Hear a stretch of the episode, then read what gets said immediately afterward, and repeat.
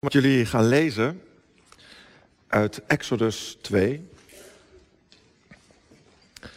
En daarvan de eerste tien versen. Exodus 2, vers 1 tot en met vers 10. En daar klinkt het woord van God voor ons vanmorgen als volgt. Een man uit de stam Levi trouwde met een vrouw uit diezelfde stam. Ze werd zwanger en bracht een zoon ter wereld. En ze zag hoe mooi het kind was en hield het verborgen drie maanden lang. En toen ze geen kans zag haar zoon nog langer verborgen te houden, nam ze een mand van papyrus, bestreek die met pek en teer, legde het kind erin en zette de mand tussen het riet langs de oever van de Nijl. De zus van het kind ging een eind verderop staan om te zien wat er met hem zou gebeuren.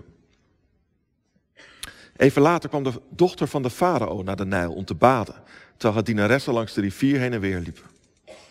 Zij ontdekte de mand tussen het riet en liet die door een van haar slavinnen halen.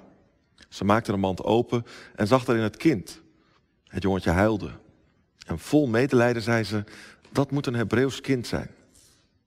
En toen kwam de zus van het kind haar vragen, zal ik bij de Hebreeuwse vrouwen een voedster gaan zoeken om het kind voor u te voeden? Ja, doe dat maar, antwoordde de dochter van de farao, waarop het meisje de moeder van het kind ging halen. De dochter van de farao zei tegen de vrouw, neem dit kind mee en voed het voor me. Ik zal u ervoor betalen. De vrouw nam het kind mee en voedde het. En toen het groot genoeg was, bracht ze het naar de dochter van de farao. Deze nam het kind aan als haar eigen zoon en ze noemde hem Mozes. Want, zei ze, ik heb hem uit het water gehaald. Tot zover de lezing uit het woord van God. Zalig ben je als je het woord van God hoort en het bewaart in je hart. Halleluja. Amen. Ja, gemeente van onze Heer Jezus Christus, broeders en zusters van Kruispunt. Iets kan ontzettend mooi zijn, maar tegelijkertijd ook verschrikkelijk. Het is aan de ene kant mooi, maar aan de andere kant verschrikkelijk. Gisteren hoorde ik bijvoorbeeld op Radio 1 een interview. Het ging over journalisten. En daar vertelde iemand die zei: Ja, dan, dan heb je zo'n zo'n plek waar je dan bent. Je bent getuige van een gebeurtenis met een enorme impact. Je staat erbij en je denkt: Ik heb de primeur, ik kan hier een verhaal over schrijven. Nou, dat, dat, dat is om te smullen, dat wil iedereen lezen. Maar als je dan kijkt wat er voor je ogen gebeurt, dan denk je, maar dit is ook verschrikkelijk. Het ging toen over dat plein van de hemelse vrede, waar ook journalisten gezien hebben hoe mensen daar verpletterd werden. Dus het is gruwelijk, mensonterend en toch voel je, maar dit is ook mooi, want ik kan hier wat mee. Nou, nou zo'n verslag, zo'n soort verslag, lees je ook in Exodus 2. Exodus, wij kennen dat, uh, Exodus, uittocht. Maar ja, de Hebreeuwse naam is Shemot. Dit zijn de namen. Want het vertelt aan de ene kant dit Bijbelboek over de geschiedenis van Gods volk die bevrijd wordt uit Egypte, de uittocht. Maar het vertelt veel meer. Steeds weer worden namen genoemd van hoofdrolspelers in de geschiedenis van het volk Israël. Heb je eerste inleiding, hoofdstuk 1, dat moet je thuis maar even lezen. En dan komt hoofdstuk 2 en dat begint dan. En een man uit de stam Levi trouwde een vrouw uit diezelfde stam. Nou, eigenlijk zegt dat op dit moment, zo aan het begin van Exodus 2, nog niet zoveel. Je moet eigenlijk heel Exodus kennen om te snappen dat het hier dus gaat om een Hebreeër, een Israëliet. Behorend bij de stam Levi, dat is de stam die straks zal worden aangewezen om de tempeldienst eh, te gaan verrichten. Als de tabernakel dan gemaakt moet worden, dan zeggen ze ook, die levieten moeten daar gaan dienen. Die zouden zeg maar de band gaan vormen en hier op het podium gaan staan. Nou, maar mooi om dan te lezen in Exodus 2, dat ook al is er daar sprake van slavernij en onderdrukking, dat lees je immers in Exodus 1, ook al heb je dus net in dit Bijbelboek gehoord over een farao die probeert een soort van genocide te plegen en een complete volkstam wil minimaliseren. Het leven gaat ook door. Want er is sprake van liefde. Er wordt getrouwd.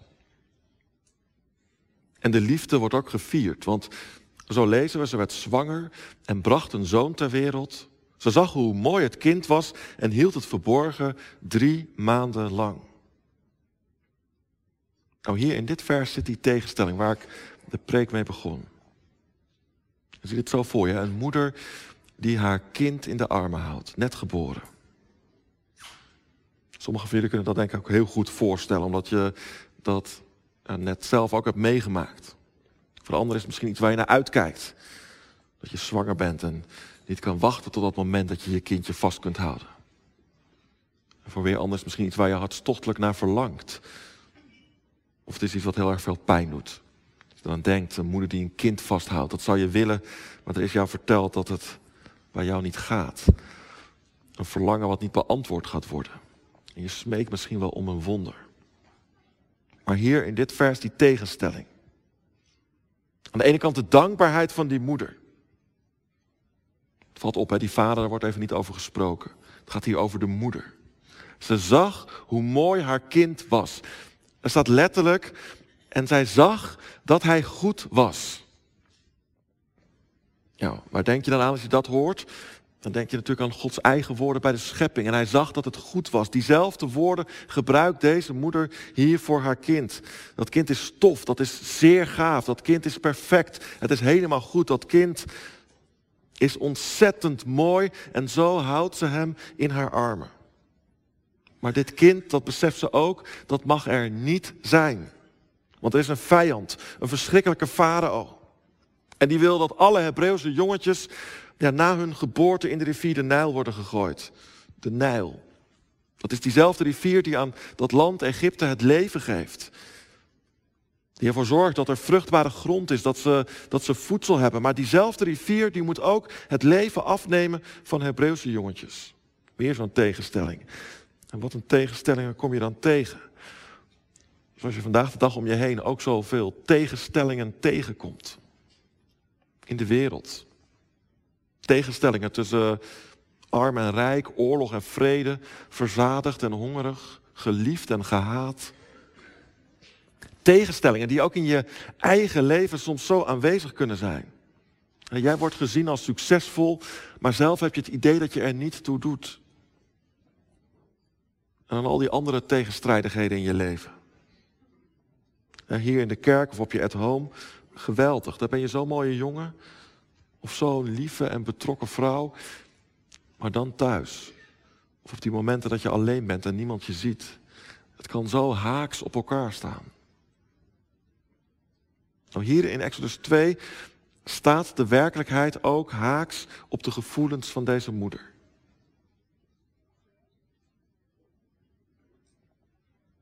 Wat nu goed? Het is verschrikkelijk. Het is toch verschrikkelijk om een kind vast te houden wat er niet mag zijn. Iets wat er niet mag zijn, maar wat er toch is. En wat moet je dan doen? En dat doen we zelf ook heel snel. Dan ga je het verstoppen. Doen alsof het er niet is. Wegdrukken. Wegstoppen. Uit beeld. En het lukt er drie maanden lang. Het klinkt als een tijd die je wel overbrugt, maar een kwartaal een kind verborgen houden. In huizen die niet zo zijn geïsoleerd als hier in Vathorst. Drie maanden lang een kind wat kan huilen. Wat laat merken dat het voedsel en nabijheid nodig heeft. Drie maanden lang je pasgeboren baby verstoppen. Ga er maar aan staan. En na drie maanden, na drie maanden lukt het niet meer. En ze moet haar kind uit handen geven. Ja, hoe dan? Nou, we kennen dit verhaal allemaal denk ik wel. Zelfs als je nog nooit in de kerk bent geweest, dan heb je het wel eens een keer gehoord. Mozes in het biezenmandje. Toen ze geen kans zag haar zoon nog langer verborgen te houden, nam ze een mand van papyrus, bestreek die met pek en teer, legde het kind erin en zette de mand tussen het riet langs de oever van de Nijl. Een mand van papyrus. Nou, dat heb je vast op school wel een keer geleerd, hè? papyrus.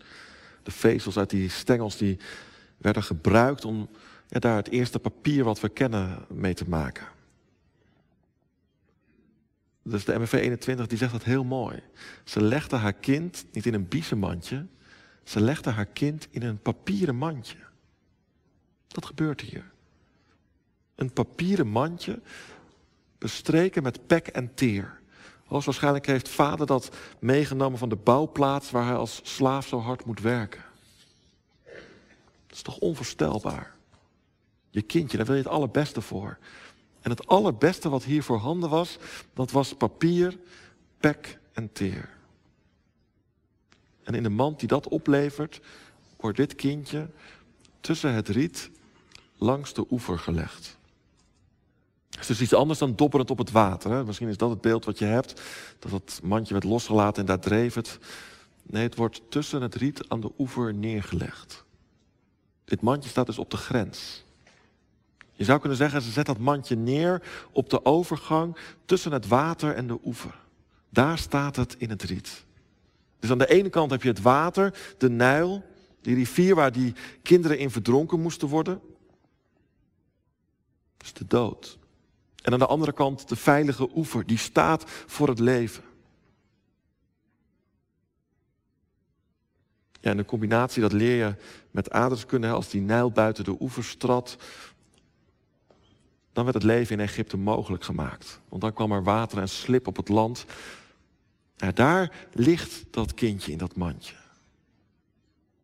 Op de grens van leven en dood. Met als enige bescherming wat papier. En deze moeder, want zij is nog steeds die actie onderneemt. is het nou een wanhoopsdaad van haar? Of is dit nu een daad van hoop en geloof? Durft ze op dit dieptepunt te geloven dat er nog verandering mogelijk is? Ze kijkt niet meer. Want daarna is ze uit beeld verdwenen. De zus die staat nog te kijken. Een eind verderop. Wat gebeurt er met mijn broertje? De zus die wel bestaansrecht had omdat ze een meisje was. Maar dan gebeurt er wat. Dan komt die dochter van de farao om te baden. Het is een drukte van belang, want de dienaressen die lopen langs de rivier heen en weer. En tussen al die bewegingen in ziet die dochter van de farao dat papieren mandje tussen het riet. En ze laat die mand halen en wat lezen we dan? Ze maakte de mand open en zag daarin het kind. Het jongetje huilde en vol medelijden zei ze, dat moet een Hebreeuws kind zijn.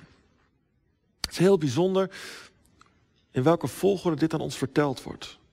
Ze zag de mand, toen zag ze het kind en toen pas huilde dat kind.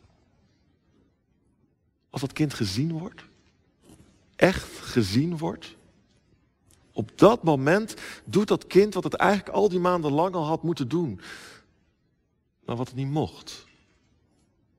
Dan doet dat kind wat elke keer gestopt moest worden. Wat niet kon omdat het te gevaarlijk was. Dat doet dat kind hier. Als het gezien wordt, gaat het huilen. En of het komt door het huilen of omdat het zo'n mooi kindje was, ja, dat staat er eigenlijk niet exact. Maar die prinses die krijgt medelijden. En na haar medelijden staat dat ze ziet dat het een Hebreeuws kind is. Opnieuw zo'n situatie als aan het begin. Dit kan eigenlijk niet. Het kindje is aandoenlijk. Het heeft een prachtig gezicht. Het is lief. Het huilt. Dan ligt daar in zo'n papieren mandje. Maar het mag er niet zijn, want het is nog steeds een Hebreeuws kind. En ze ziet het. Het Hebreeuwse jongetje. Hoofdstuk 1 Misschien heb je je Bijbel erbij. Dat eindigt met de woorden. Toen gaf de farao aan heel zijn volk het bevel om alle jongens die geboren werden in de Nijl te gooien. De meisjes mochten in leven blijven.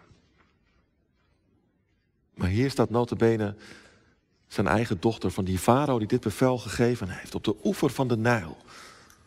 Hier staat die dochter tussen dood en leven in. En ze heeft een keuze. Ze kan het kind in het water gooien. Of desnoods laat ze het doen door een van haar dienaressen. Of ze laat zich leiden door gevoelens van medelijden. Kiezen voor het leven of kiezen voor de dood? Laat ze het leven van het jongetje hier te plekken ophouden of biedt ze hem een toekomst? Kiezen voor het kwaad, het kwaad van haar vader die op dat moment regeert, of kiezen tegen het kwaad? En laat ze zien dat het anders kan. Nou, ze doet het laatste. Althans, of ze nu echt op dit moment de keuze maakt, wordt in het midden gelaten. Want voordat ze nog iets kan zeggen, is die zus daar weer. Zal ik bij de Hebreeuwse vrouw een voedster gaan zoeken om het kind voor u te voeden? Ja, doe dat maar, antwoordde de dochter van de farao. Waarop het meisje de moeder van het kind ging halen. En de dochter van de farao zei tegen de vrouw: Neem dit kind mee en voed het voor me. Ik zal u ervoor betalen. Hier wordt alles op zijn kop gezet. Want het kind komt weer terug bij zijn moeder. De plek waar, het, ja, waar die eigenlijk niet mocht zijn. Maar nu mag hij er opeens wel zijn. En, en zijn eigen moeder mag het voeden. Tegen betaling notabene. Moet je eens voorstellen, hè? dat hele Hebreeuwse volk, ze werkten als slaven. Er bestond geen betaling. Maar hier wordt een moeder betaald om haar eigen kind te voeden. Want dat heeft het nodig, voedsel, om aan te sterken, te kunnen blijven leven. Nu het gered is van de dood, moet het nog doorgroeien. En er ligt een belangrijke taak op hem te wachten. Ook al duurt het nog zo'n 80 jaar voordat hij daarmee zal gaan beginnen. Maar die belangrijke taak die begint hier al met voedsel, voeding. En dan leest het als het genoeg gegeten heeft, jaren later, dan wordt het kind bij de dochter van de farao gebracht. En dan staat er, ze nam het aan als haar eigen zoon. Ze noemde hem Mozes, want, zei ze, ik heb hem uit het water gehaald. En hier in vers 10, dus 10 versen verder, wordt pas duidelijk wie de hoofdrolspeler is. Ik zei het aan het begin, wij kennen het als Exodus, maar de Hebreeuwse naam is Shemot. Dit zijn de namen. Dit is dus een boek vol namen. En, de belangrijkste mensen krijgen in dit boek een naam. Maar er is tot nu toe nog geen naam genoemd. Het ging om een man, een vrouw, levieten, maar geen namen. Een zoon die er niet mocht zijn, maar geen naam. Een zus die een oogje in het zeil houdt, maar geen naam. Een dochter van de farao, geen naam. Maar dan in vers 10 blijkt het hier om Mozes te gaan. Misschien hadden wij de naam van die dochter wel willen weten. Die dochter van de farao. Want wat een grap eigenlijk, hè? Die farao. Die zei dat jongetjes gedood moesten worden, want hij was bang voor dat volk wat steeds groter en machtiger werd. En de meisjes mochten blijven leven. Nou, blijkbaar kon hij niet op tegen de vrouwen. Want je had eerst al die verloskundigen, Sifra en Pua, die het vertikten om naar hem te luisteren.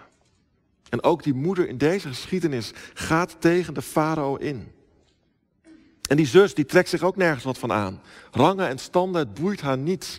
Ze stapt zonder na te denken op de dochter van de farao af. Maar die dochter van de farao zelf spant wel de kroon. Het is notabene zijn eigen dochter die het meest ongelooflijke doet.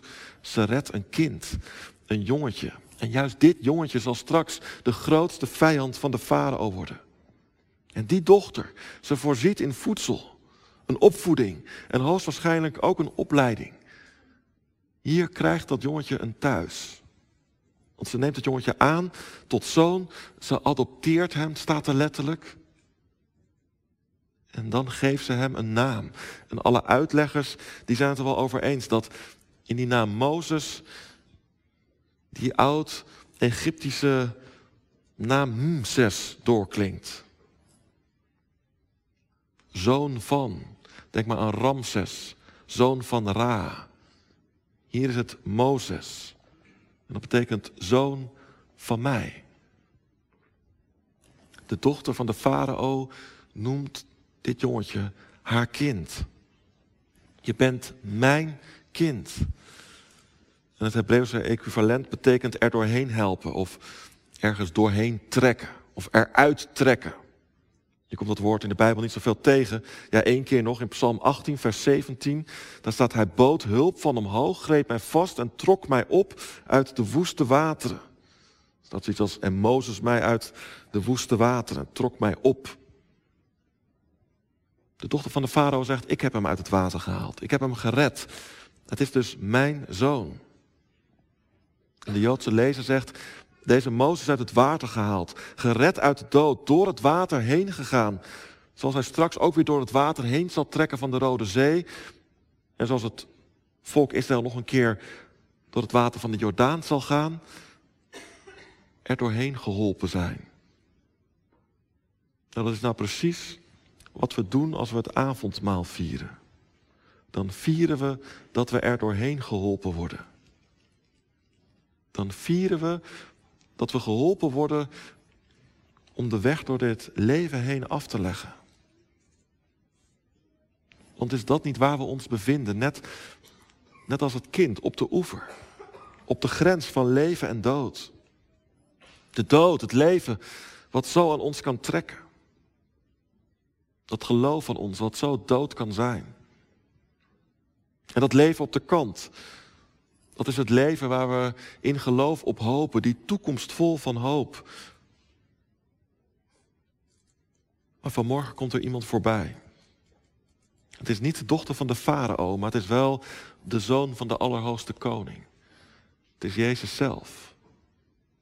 En het feit dat jij hier zit vanmorgen, ook al was negen uur misschien best vroeg, het feit dat je hier zit vanmorgen, dat betekent dat Hij jou heeft gezien.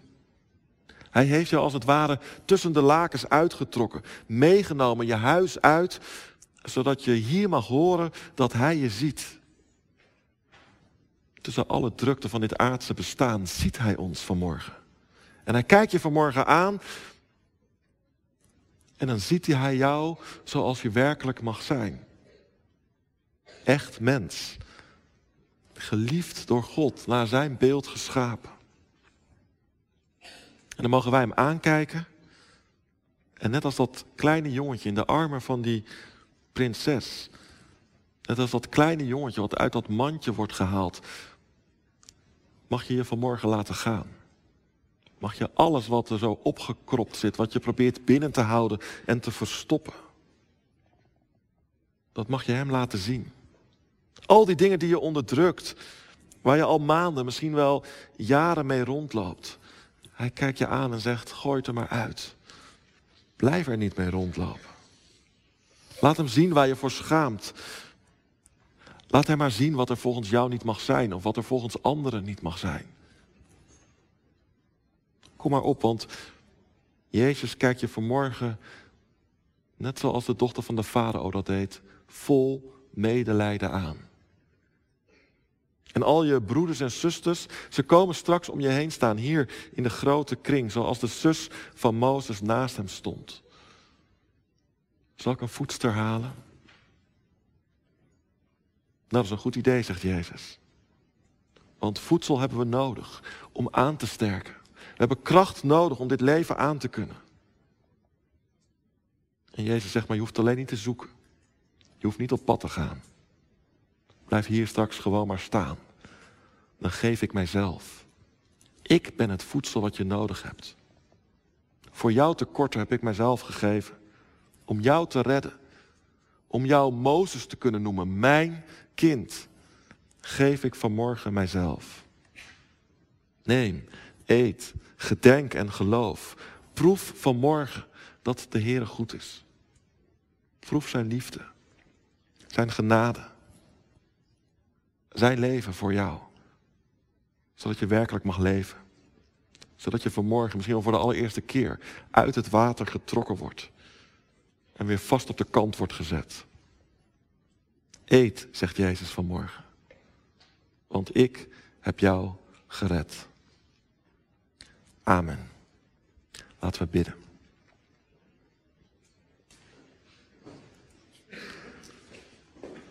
Dank u wel dat u dat doet.